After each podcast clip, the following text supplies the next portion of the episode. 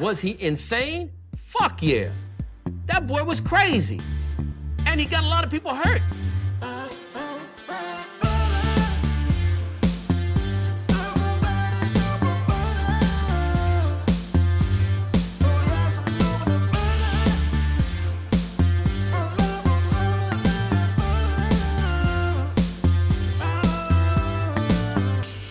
He doesn't like butter. I fucking love butter. I fucking love it. What's up, motherfuckers? Welkom bij een nieuwe aflevering van de Zonde van Je Tijd podcast. Een podcast waarin ik niet alleen mijn kostbare, maar vooral uw hele kostbare tijd verdoe. Met absolute onzin. Ik hoop dat deze podcast jullie treft in blakende gezondheid. Let's go, we duiken er gelijk in. Dames en heren, het is de zaterdag 16 april editie. We pakken de enige hardcopy variant van de krant die ik in de week krijg. En dat is de zaterdageditie van de, van de Leidse Dagblad. Waar ik weet ik nog niet hoe lang ik aan vast had. Ik dacht dat ik, hem, dat ik eerst een één jaar abonnement had. Later bleek het twee jaar abonnement te zijn. En later bleek het weer de derde jaar te zijn. Die motherfuckers die plukken me uit. Maar dat maakt niet uit. We doen het voor de 071. Een dikke shout-out voor mijn city. Yeah! En we beginnen gelijk de allereerste. We hebben een interview is de Leidse R niet afleren. De logopediste Annemarie Sikking helpt al 30 jaar kinderen met spraak- en taal, eet- en drinkproblemen. Dat is hele, alles wat via de mond gaat. En als je later daar naartoe gaat, kun je andere dingen leren. Maar de Leidse R niet afleren, fuck it. Never ever dat je ooit die Leidse R moet gaan afleren. Bij mij valt u nog reuze mee. Bij mij, heb je, bij mij ik gebruik alleen de de R echt bij, ehm, aan het einde van de zin meestal. Of als het, een, ehm, eh, of als het tussen de lettergrepen in zit. Bijvoorbeeld de kamer. Vakantierooster. Ik zeg de vakantierooster. Ik zeg vakantierooster. Bij mij, bij mij zit die R altijd aan het einde een beetje van de zin altijd. En als ik een beetje aan het overdrijven ben of als ik aan het optreden ben, dan zet, dik ik hem ook altijd een klein beetje aan. Ah, fijn. Ehm, en uiteraard heeft de Leidse Dagblad heeft elk weekend ook de Weekend Magazine, de Vrij Katern. Die slaat absoluut helemaal nergens op. Ik lees hem nooit. Maar dit keer wordt daar gesproken met Yannick Davy. Blijf dromen, alles kan. Toen ik klaar was met school kreeg ik de keuze van mijn ouders. Of ze betaalden het opnemen van mijn eerste album of mijn studie. Het werd het album. Inderdaad, jongen, blijven dromen en dan komt alles goed. Gewoon keihard blijven dromen. Zijn je ouders niet rijk genoeg om je carrière voor te schieten, dan hebben ze nog niet. Dan moet jij even. Dan hebben zij niet hard genoeg gedroomd. Dan moet jij even nog iets harder blijven dromen.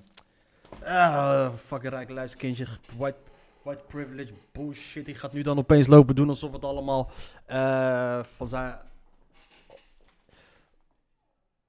Dat hij zich vanuit goot heeft omhoog heeft lopen werken. Oké, maar ah, fijn. Ik weet niet. Misschien is een hele talentvolle jongen.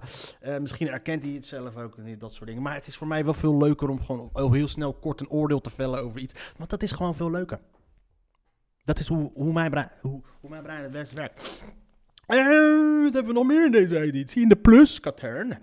Dat is de extra, de diepgaande onderzoeken van de, van de krant. Uh, gok, meer dan een miljoen euro verloor Arthur met gokken. Gokken gaf Arthur dezelfde roes als ecstasy. Dat doet. Maar hij verloor er 1,2 miljoen euro door. En waarschuwt nu voor golfverslaving. Wat? Moest je lekker... Kreeg je ook van die knuffelende dingen en je pik niet meer omhoog? Uh, wat hebben we nog meer? Wat was er dit deze week nog meer in het nieuws? Langere kerstvakanties om de coronavirus in te dammen. Dus de coronavirus nog niet voorbij. Maar wie gaat er, zeggen, wie gaat er nee zeggen tegen vakantie? Langere vakantie. Een week lange kerstvakantie en een kortere zomervakantie. Dat is een van de plannen van het kabinet om het coronavirus in de wintermaanden zoveel mogelijk in te dammen. Oké, dus, dus bij deze willen ze ons vertellen dat het coronavirus in de winter weer terug is. En uh, ouders met kinderen, uh, de zomer wordt korter. En dat mag ook eigenlijk best wel, man. Het is, na, na, na een tijdje is, het, is, het, is de vakantie duurt te lang. Maar ja, ik heb geen kinderen, dus ik weet niet hoe dat werkt. De afgelopen twee jaar wilde het kabinet de scholen steeds zo lang mogelijk open houden, maar zag het zich genoodzaakt het onderweg toch weer te sluiten. Zoals vorig jaar voor de kerstvakantie. Veel scholen. Ah, ah, fijn. Dat is weer een proefballonnetje. Het treft mij niet, dus het boeit mij niet. Nieuwe leiding nodig bij Tata Steel voor uitvoering groene staal. Dus dat is deze kop, die staat dus in tussen aanhalingstekens. Dus kennelijk gaat dat niet gebeuren. Want uiteraard in deze maatschappij zullen de mensen die uh, van bovenaf invloed hebben op bepaalde zaken nooit de verantwoording hoeven af te leggen. Helemaal niet als ze van deze regering dan ook nog eens uh, heet dat, um, cent gaan krijgen, zoals Tata Steel, om te gaan vergroenen zogenaamd. gaat vergroend worden onder de voorwaarden van Tata Steel. Let daar maar op. De huidige leiding van Tata Steel IJmuiden is niet in staat om de transitie naar een volledige groen pro producerende staalfabriek aan te sturen. Dat zegt voormalige vakbondsbestuurder Roel Berghuis in een interview met deze krant. Dus, dus zoals ik al zei, het is dus aanhalingstekens, het komt van een vakbondsleider. En vakbonden die hebben geen moer te vertellen in het land ten opzichte van die rijke motherfuckers. Schaarse auto's, winstgevend ook buiten het circuit. Ik weet niet waarom dit nieuws is, maar Ferrari is 75 jaar geworden, net als Johan Cruijff trouwens, maar alles behalve bejaard. Niet alleen op het... Dit is een stomme kop. Waar, slaat het op? Wat heeft dat te maken? Bejaard, het is toch geen mens? Het is een machine, een machine die vernieuwt. Het wordt beter en beter en, technologisch vooruit. Wij tankelen af na onze, in mijn geval mijn zestiende. Enfin, je moet ergens mee beginnen. Je moet met een begin beginnen. Wat heet? Niet alleen op de Formule 1 circuit vallen de prestaties op. Wat heet? In de showroom is Ferrari zelfs de meest winstgevende auto ter wereld. Oh, dat wist ik niet. Het geheim? Ferrari creëert zijn eigen schaarste. De autocoureur Charles Leclerc Clerc, in zijn Ferrari in de eerste week van het nieuwe raceseizoen de Formule 1 domineert en de prestaties in de rest van de race wat laat verbleken. Ah, oké, daarom is Nederland opeens niet zo max gek. Want hij staat niet bovenaan. Zie je? Dus Rico heeft zijn positie weer terug. Weer vechten voor de meest favoriete man Nederlander. Maar ja, dan moet hij eerst badden in elkaar zien te slaan. Op zijn 75ste verjaardag gaat, gaat het voor de wind met de Italiaanse automerk. De prestaties van Leclerc lijken, lijken extra brandstof voor de autobouwer. Ah, nice wordplay. Uit Marinello, Maranello en het gaspedaal nog eens dieper in te trappen. Ah, je gooit die jargonetjes erin. Heb dit beeld sprak, hè. In dit jubileumjaar komt Ferrari namelijk met een SUV. Tot voor kort een ondenkbare stap voor de sportwagenfabrikant. Wauw, dat is wel apart. We zien nog steeds meer keuzes ontstaan, zegt Sander van der Bijen, directeur van de Ferrari-dealer Kroijmans, die het merk 50 jaar geleden naar Nederland haalde. Waar een Ferrari vroeger leverbaar was in enkele basiskleuren en de klant kon kiezen uit een beperkt aantal opties, is de auto meer op maat gemaakt. En volgens mij moet je die uiteraard moet je hem bestellen nu. Het is een evolutie die heel langzaam is gegaan bij de Italianen, maar eigenlijk was ingezet door grondlegger Enzo Ferrari, die in 1947 de eerste raceauto bouwde. En... Tot 1972 was er nog geen officiële importeur van Ferrari in Nederland. Fiat. Uh... Ik wil weten wat de strategie is. Ik kan me niet het hele verhaal horen. Wij bouwen altijd één auto minder dan waar de markt om vraagt. Oké, dus de strategie van Enzo Ferrari is dus de oprichter. De we bouwen altijd één auto minder dan waar de markt om vraagt. Het creëren van de eigen schaarste is nog steeds een succesformule. Ja, je moet niet gaan lopen doen alsof er de hele techniek is. Alsof heel de wereld in de rij staat voor een Ferrari. Maar er is er gewoon net één te weinig voor iedereen in de rij. En Ferrari zijn fucking dure auto's. Niet iedereen kan ze betalen. En dan kan je inderdaad gaan spelen met die strategie. Wat heet? Kijk, maar hoor mij praten alsof ik een of andere marketing genius ben. Zoals ik al zei gaan oordelen op allereerste zin die, die ik zeg. Gewoon en, en eh, het, uh, het en erover nadenken hoe het echt in, aan de hand zit. In dit geval ga ik dat helemaal niet doen. Kazano een keer Ferrari, ik kijk alleen naar het plaatje en dat that's it. En wat heet, het bleek een opmaat naar financieel de meest succesvolle auto. De winstmarge op een Ferrari lag in 2021 op 25,5%. Oftewel 97.535 euro gemiddeld per auto. Dus dat is keer 4. Uh, 97.500. Dat is 300. Oké, okay, Ferrari kost dus 390.000 euro. Daarmee laten de Italianen nummer 2 Tesla ver achter zich. Dat merk steekt 6.450 euro per auto verkochte auto in zijn zak. Oké, dat is nog wel schappelijk. Maar ja, maar wie is er rijker aan het einde van de dag? Elon Musk. De strategie maakt Ferrari immuun voor cri crisis. De steenrijke Fiat-familie Agnelli en nakomeling Piero Ferrari zagen na de kredietcrisis dan ook al snel de mogelijkheden om de waarde van het automerk te verzilveren en besloten in 2015 naar de Amerikaanse beurs te brengen. Dat heeft echt geen andere dan, gehad dan te kunnen cashen. Ferrari werd de, werd de Nederlandse NV, maar zeker niet alleen belastingtechnische redenen. Jawel, zeker belastingtechnische redenen. De Nederlandse structuur beschermt vooral tegen vijandige overnames. Ah, oké. De beursgang leverde de familie bijna 10 miljard dollar op. Inmiddels is de totale beurswaarde van Ferrari 41 miljard euro. Fors meer dan Fiat krijgt. Ja, Ferrari zijn gewoon nog de droom van welke motherfucker die er is. Jongen. Ferrari is gewoon een blijft een Ferrari. Ferrari, Ferrari, Ferrari, Ferrari. Ferrari, de naam alleen al. Een Ferrari. Vroeger kan ik volgens mij, kan ik mij herinneren dat een, een, de vader van Robin van Persie, die had hem Zijn hele zweverige kunstenaars, dat, die had zijn zoon een keertje meegenomen naar een waarzegster om zijn toekomst te voorspellen. En die had het toen erover dat hij een Ferrari-jongen zou worden. En daarmee bedoelde ze gewoon een, een, een eh, elite level, een excellerende, gewoon echt een, een speciaal gevalletje, een Ferrari'tje. En dat is uiteindelijk ook zo gebleven. Dus ik vind een, Ferrari. Ferrari is de shit. Ik heb er nog, ik heb er nog nooit in gezeten. Het zou me zo vet lijken. Maar ik zou bang zijn om, om aan ja, ik, heb een keertje in een, een, een ehm, eh, volgens mij was het een, 6, een AMG 65, 650, 650 AMG of zoiets CLS gereden of zo. Dat is dus het enige wat ik weet van het 650 pk. En geloof me, als je daar in die motherfucker rijdt, ik ging erin zitten. En het moment dat je die gaspedalen drukt, de, het is een achterwiel aandrijving. En eh, als je net iets te hard drukt, dan shake die hele motherfucking shit. Je voelt de hele auto. Het voelt alsof je in een motherfucking boot zit. Je hoort die kleppen gewoon gaan. En dan denk ik, oké, beter ga ik eh, nu uitstappen. Ik ga die sleutels terug aan mijn neef, van wie die was. Ik zei, eens, eh, ik ga nog ineens naast jou meer zitten, vriend. Want ik vind dit veel te eng. Gelukkig heeft jullie die auto weggedaan. Want dan zei ook zo van, dit is gewoon veel te... Dit is een veel te eng iets om, eh, om, om mee te rijden. Ah, fijn. Een gezamenlijke inkoop gas nog niet zo simpel. Is het niet echt niet zo simpel? Waarschijnlijk is het dan niet zo simpel omdat er te veel belangen eh, zijn. Kijk, als, eh, alles is altijd simpel als je gewoon met geld op tafel komt. Ja, ik had eh, van de week toevallig Big Short gezien. Waarin ehm, een, een hele rijke investeerder wil gaan investeren in een, in, een in een product die niet bestond. Maar hij ging naar die bank toe. Hij zei: Ik wil hierin investeren. En aangezien zij dachten dat de bank daar fucking veel geld aan kon verdienen, zeiden ze van ja, dat product bestaat niet, maar we maken hem voor. Dus ik ben benieuwd naar wat de redenen zullen zijn. Waarschijnlijk, het, het is de het. Europese landen gaan samen als blok gas inkomen. Dat moet goedkoper zijn. Zeker nu de landen van, de van het Russische gas af willen. Toch zal onze energierekening er niet door omlaag gaan. Waarschuwen energie-expert. De eurotekens staan in de ogen van de aanbieders. Ja. Defensie geeft 19 NH1990 MH19 helikopters flinke opknap beurt. Moskou waarschuwt de VS stopt de bewapening van de Oekraïne. Uiteraard, die oorlog is ook nog steeds bezig. Eh, de Russen zijn, een, of andere schip zijn ze kwijtgeraakt eh, deze, een deze dagen. In de, de, de, de, het vlaggenschip van een Zwarte Zeevloot is eh, KO gegaan.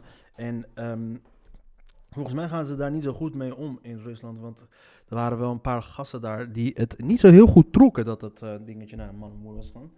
Want eh, op de staatszender liepen mensen al te roepen dat eh, Kiev plat gebombardeerd moest gaan worden. Wat je zou sowieso al van plan gaan waren. Dus. Ondergang marineschip. Hey, toevallig gaat het daar dus over. Moskwa, midden, middelpunt van de propagandastrijd. Symbolen bepalen de oorlog. De, de ondergang van het Russische vlaggenschip Moskwa. Ik denk dat dat Moskou betekent. Het is niet alleen een militaire victorie voor de Oekraïne, maar vooral een propagandistische. Propagandistische. Ik heb het woord nog nooit gehoord. In deze. eh, het had in, ehm, zo vervoegd. Niet kogels, maar symboliek geeft in een oorlog vaak de doorslag.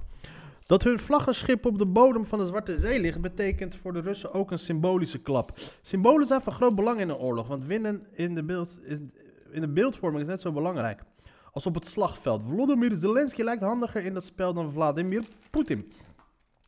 Het begon met de helden van de Slangeneiland. De twaalf grenswachten die weigerden zich over te geven toen de Russen de eerste oorlogsdag aankwamen varen. De kreet Russische oorlogsschip Rotop werd de slogan van de strijd en is te lezen op billboards, t-shirts en postzegel. Aan het einde van de dag bleken die motherfuckers wel gewoon nog steeds te leven. Wat best wel fucked up is van de Oekraïnse regering om hun gewoon te beweren gewoon dat ze dood zijn. Want dat betekent dat ze ook geen moeite meer hoeven te doen om... Want ze leefden gewoon nog op die slangeneiland. Want dat betekent dat ze gewoon geen moeite meer hoeven te doen om hun eruit te halen daar. Het Idinakui, letterlijk ga op een ma- mannelijk geslachtsdeel zitten, raakte kennelijk een snaar. Tot zinken brengen van het prestigieuze oorlogsschip Moskwa vormt nu een extra uitroepteken achter de leus. Een simpele raket die het machtige vlaggenschip van de vij- vijand vernietigt.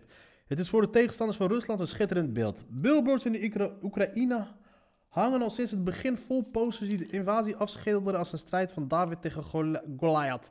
Zo zie je een knaagdier dat de poten van de Russische beer afbijt of een stoere huisvrouw die een pistool in Poetins mond duwt. Dat, dat zijn dus fucking beelden die ik wil zien. Dat zijn dus affiches die ik wil zien. Het is altijd eenvoudige Oekraïner. Het is altijd de eenvoudige Oekraïner. De underdog. De minnaar. De Navas. De underdog die het machtige tiran overwint. Ik weet niet waarom ik die afslag maak. Zo ging er een verhaal rond dat een huisvrouw met een welgemikte pot augurken een Russische drone uit de lucht had gegooid. Het verhaal bleek overdreven, maar bleef wel hangen.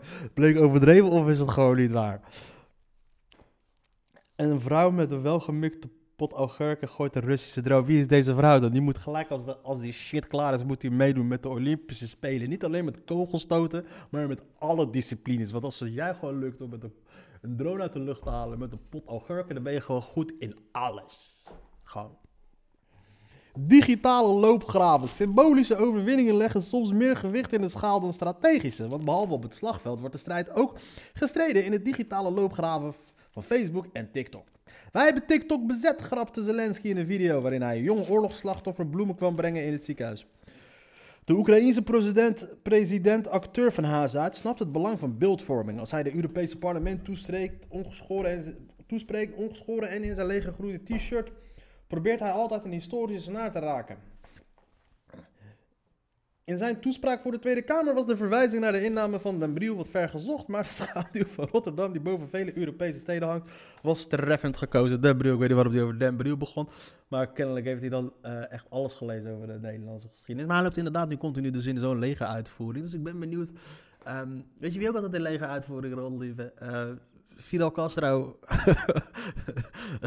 Gaddafi, al die shit. Hij moet ook gewoon even een soort, als hij nou echt slim is, dan kan hij zijn hij moet echt even iets authentieks gaan doen. Dat groene shirt doet hem nou dus net niet.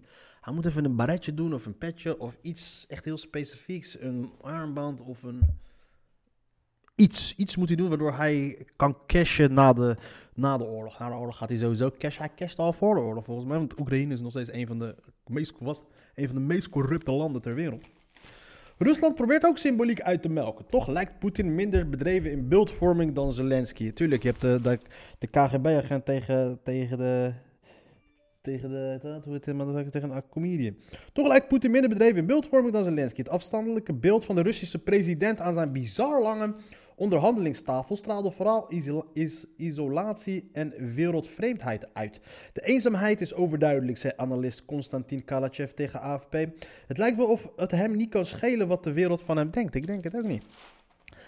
Maar de publieke opinie binnen Rusland is wel degelijk belangrijk. Op 9 mei is de grootste militaire parade in Moskou. En volgens de inlichtingendiensten, geciteerd in de Amerikaanse media, snakt Poetin naar een succesje. Bijvoorbeeld de bevrijding van het Donbass door Russische militairen getooid met de letter Z.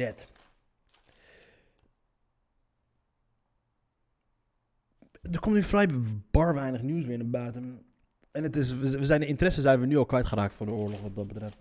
De met witte verf op panzervoertuig, de Z-symbool. Dat is natuurlijk de Z, Z, Z, Z, Z. Er is nu zelfs... Kijk hoe gestoord mensen zijn in dit land. Omroep Zeeland werd gevraagd... Zouden jullie je uh, logo moeten veranderen? Flikker op, man. De met witte verf op panzervoertuigen gekalkte Z groeide uit tot een symbool van Rusland... als bastion van antifascisme. De verhalen lopen uiteen waar de Z voor staat... En misschien is die zweem van mysterie wel deels deel van het succes.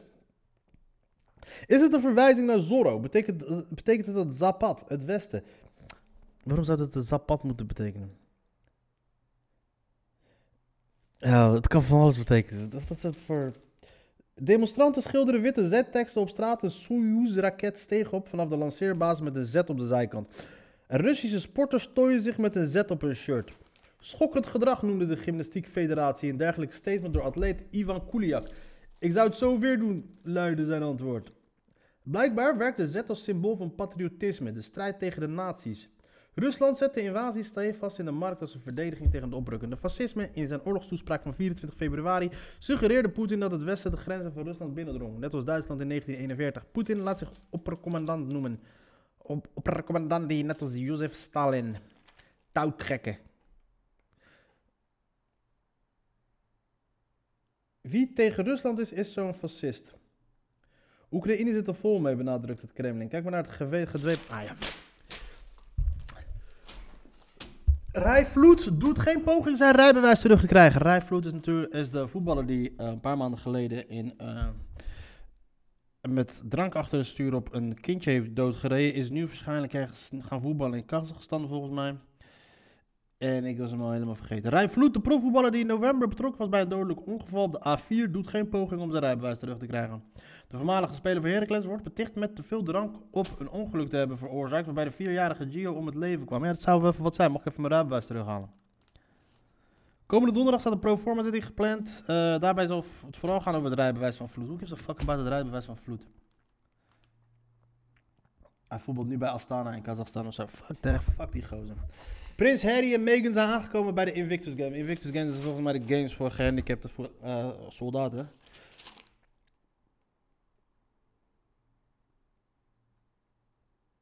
Eh, vijf jaar een TBS voor uitbuiten en mishandelen van een huisslaaf. Ondanks kapitalisme is Karl Marx springlevend. Look who's back. Helemaal para.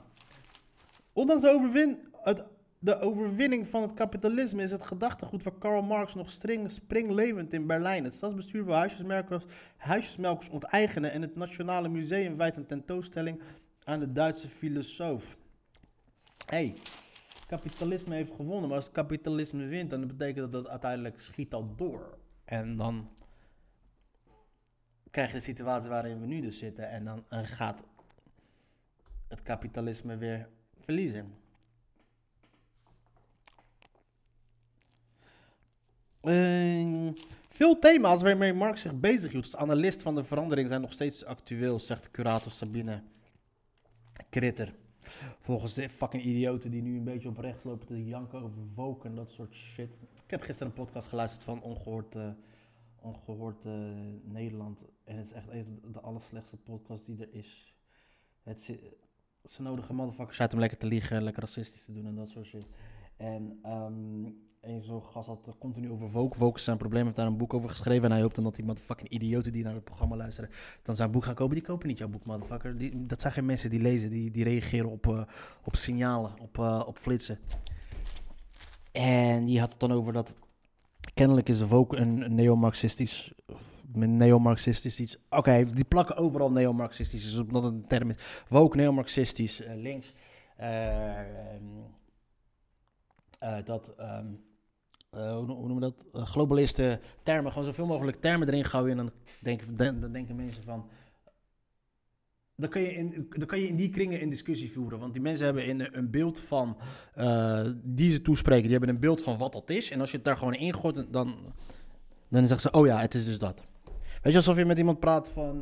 die gewoon een wiskundige praat. En, en, en je gooit gewoon sommen erin van. Ja, of ik weet dat. Of met een scheikundige en je gooit allemaal ehm, dat ehm, elementen van de periodiek stelsel erin. Van dit, oké, dit, zo, zo, zo, zo, zo, zo. En om dingen te verklaren, en dan valt voor iemand die het begrijpt, valt het allemaal in, in, in, op zijn plaats.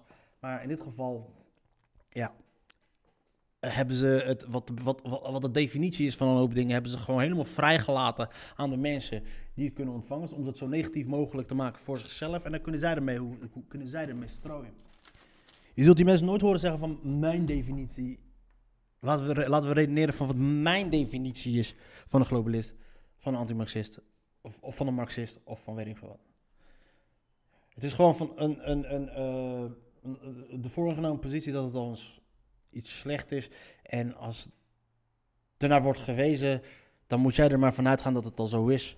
En dat, dan moet jij het aannemen. En als jij dan niet wil aannemen, dan hoef je aan het moment dat jij dan die discussie over de definitie wil gaan voeren, ja, dan willen ze afhaken en dan draaien ze weer om. Het is gewiekst. Ah. De Belastingdienst gaat alle spaarders compenseren. Ja, die witte mensen. Moet je opletten hoe snel zij al die witte mensen gaan helpen. Trumps actie was onwettig, maar wordt hij ook vervolgd? Nope, ga er maar niet vanuit. Die motherfuckers, anders pleurt hele fucking pleuris uit in dat land, man. 100 miljoen betalingen via telefoons, dat valt nog wel mee. Fietsende flitsbezorger moet in Haarlem een rugnummer krijgen. What the fuck? Geen flitsbezorger, geen flitsbezorger een, eh, is het een, een nummer, zodat Haarlemmers bij misdragingen klacht over ze kunnen indienen. De gemeente Haarlem gaat het voorstellen aan Flink, Getin en Gorillas. De ge- suggestie kwam van de, wijk, van de wijkraden van de Haarlemse wethouder. Mo- Moeten ze, moeten ze het ook bij... eh, moeten ze dat ook bij andere motherfuckers gaan doen. Niet alleen, eh, niet alleen bij die, die mensen. Want dan je gewoon liegen alles over iedereen. Britse opvang migranten in Rwanda onder vuur. Daar hadden we het gisteren over. Maar ik vind het wel een goed plan. Van alle kanten, van alle kanten wordt de kritiek geuit op de Britse plannen om de asielprocedure van grote groepen illegale immigranten in het Afrikaanse land Rwanda af te wikkelen. Het plan zou te duur, onethisch en gewoon onhaalbaar zijn. Nou, laten we het eerst even proberen dan. Floriade heeft nu nog iets van een volkstuincomplex. Veel, land, veel landen op de Floriade kozen voor houten bouwsels. Ik zie het inderdaad. Het zit, ik zit nu te kijken naar een, een paar houten huizen en, die, gelijk- en wat bloemen. En dat is dus de Floriade. 280 miljoen. Trots op de hoogovens moet weer terugkeren. Na zijn pensionering zet vakbondsman Roel Berghuis zich terug voor het behoud van Tata Steel. Ja, weet je wat ook terug moet keren? Geen kanker meer. En dan zijn we nu aangebroken bij eh, voorlopig. eh, gaan we even een tussenstapje uitmaken naar het Leidse Katern. De regio Katern. Action verhuist van Leidendorp naar Leiden, dames en heren. Het Action filiaal aan de Leidendorpse Baanderij gaat aan het einde van deze maand noodgedwongen sluiten. Er komt een nieuwe, kleinere vestiging voor terug op het Leidse Kooiplein. Oké, dat is vlak bij mij. Keukenhof zit dit weekend bomvol, dames en heren. Dus voor iedereen die van plan is om naar Keukenhof te gaan, doe rustig aan. Eh, vroeg, wees vroeg, het is druk vol. In ieder geval de A44, de afslag bij Roelevarensveen richting Lisse is helemaal afgesloten. 15.000 euro voor vernielen van een bakkerij, mag dat ook niet meer. Hier mag helemaal niks meer. Klaar voor de WK van Leiden. Organisatie slaat nog gedwongen andere wegen in. Geen twee singellopen zijn precies hetzelfde. Zelfs, al, zelfs het voor de hand liggende parcours over de Leidse singles is niet in beton gegoten. Vrijdag 22 april is de start van de hardloop-evenement voor het eerst op het evenementenplein bij Molen de Valk. Misschien willen we wel, wel nooit meer weg in de Lammermarkt. Ja, maar het blijft nog steeds de. Ik heb deze motherfucker ooit een keertje gelopen in 23 minuten. Daarom, zoals ik al net eh, zei, ik... eh, dat. Na mijn 16 is het alleen maar achteruit gegaan. En dan komen we nu bij de ingezonde brieven. Mondkapjes. Oké, de ingezonde brieven. Lezers schrijven. Brieven van lezers zijn welkom. Houd er rekening mee dat de lengte beperkt moet blijven. Oké.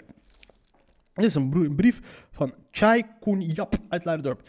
Ik heb het debat over de mondkapjesaffaire met stijgende verbijzing en morbide belangstelling gevolgd en verbaas me over het woordenspel en multi-interpretatie van de term bemoeien met. Het geeft wederom aan hoe ver de politiek verwijderd is van haar achterban en hoe de politiek leeft in haar eigen bubbel.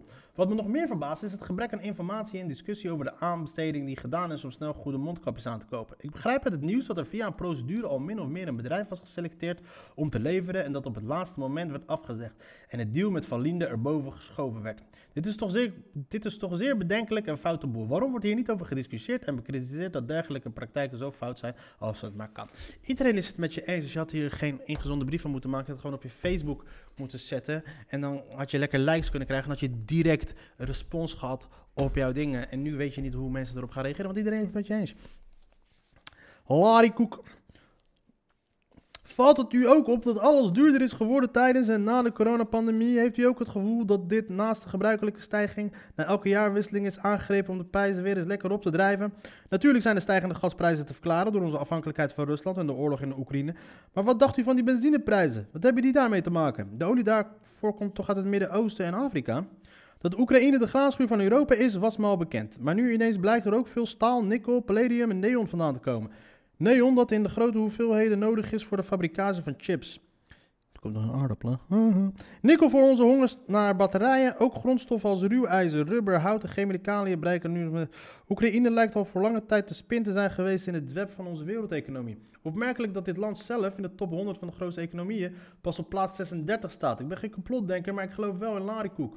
Ik snap niet waarom bijvoorbeeld de hagelslag duurder is geworden. Larikoek snap ik dan weer wel.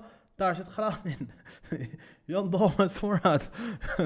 Jan heeft wel ergens een punt. Natuurlijk wordt het allemaal vraag. Kijk, tuurlijk, ze zullen wel zeggen, kijk, het, het, allemaal, het hangt allemaal aan. Weet je, eh, alle dingen, dingen hebben transportkosten, dingen moeten verpakt worden, dingen moeten opgeslagen worden, dingen moeten verzet worden, dingen moeten geproduceerd worden, dingen moeten uit de grond worden gehaald. Kost allemaal energie. Het is allemaal één grote economische web wat allemaal aan elkaar hangt. Maar er is wel een punt in, natuurlijk, op het moment. Er zullen heel veel mensen zijn die gewoon schuit hebben en gewoon misbruik maken van de situatie en de prijzen extra verhogen. Dat zijn die speculatie want dat is het, yo. Dat is, daar heeft meneertje heeft er best wel een punt in. Mm, Leidseweg. Het gemeentelijke plan voor de transformatie van het grote vinkknooppunt roept vraag op. Eh, oesters. Beste meneer Klootwijk, altijd erg ik maar als kinderen te horen krijg je, lust je dat? Als kind is twee, een kind is twee en het zegt nee. Dus als je vraagt lust je dat, zegt het automatisch nee. Je moet die vraag niet stellen. Je maakt een maaltijd en je geeft iedereen zijn portie. Als een kind ziet dat papa en mama dat eten, weet hij dat het goed is. Als een kind gruwt van de smaak, dring niet te veel aan. Geef geen snoep. Als je rest restje van iets anders hebt, oké. Okay.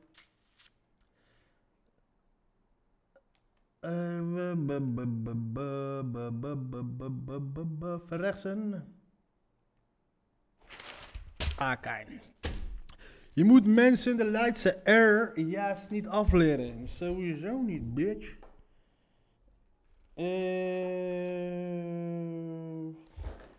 dit is een Annemarie Sikking, een interview. Eh, ze heeft haar hele leven al iets met kinderen en die liefde is wederzijds. Nog op het is de Annemarie Sikkings helpt vanuit haar drie praktijken kinderen met spraak, taal, eet- en drinkproblemen. Maar ook ouders met bijvoorbeeld afasie. In 30 jaar kwam de halve regio en haar langs leiden. Halve regio hebben we uh, tussen aan afasie. Wat is afasie? Ah ja. Ik ga niet deze hele shit lezen. Ze heeft gewoon echt de hele middenkern in beslag genomen. We gaan... De Leidse R, die moet je mensen juist niet afleren. Hoe autistiek is die? Er meldde zich eens een moeder die via de school van haar kind te horen kreeg, kreeg dat het die rollende R moest afleren. Ik heb een keer naar het kind geluisterd en tegen die moeder gezegd: als hij later CEO van een groot bedrijf wordt en dat Leidse accent daar niet wordt getolereerd, dan kom je maar terug. Dat Leids werkt aanstekelijk, ook bij mij. Ik spuug me altijd aan diegene die tegenover me zit. Heb ik een echte Marie Servaas die uit de Leiden afkomstige zangeres zonder naam voor me, dan ga ik ook lekker Leids praten. Lekker meezingen. Ja, toch of niet, Sam? Want de fuckers moet blijven van de Leidse R, hè? Eh, ouders voor onzin op internet.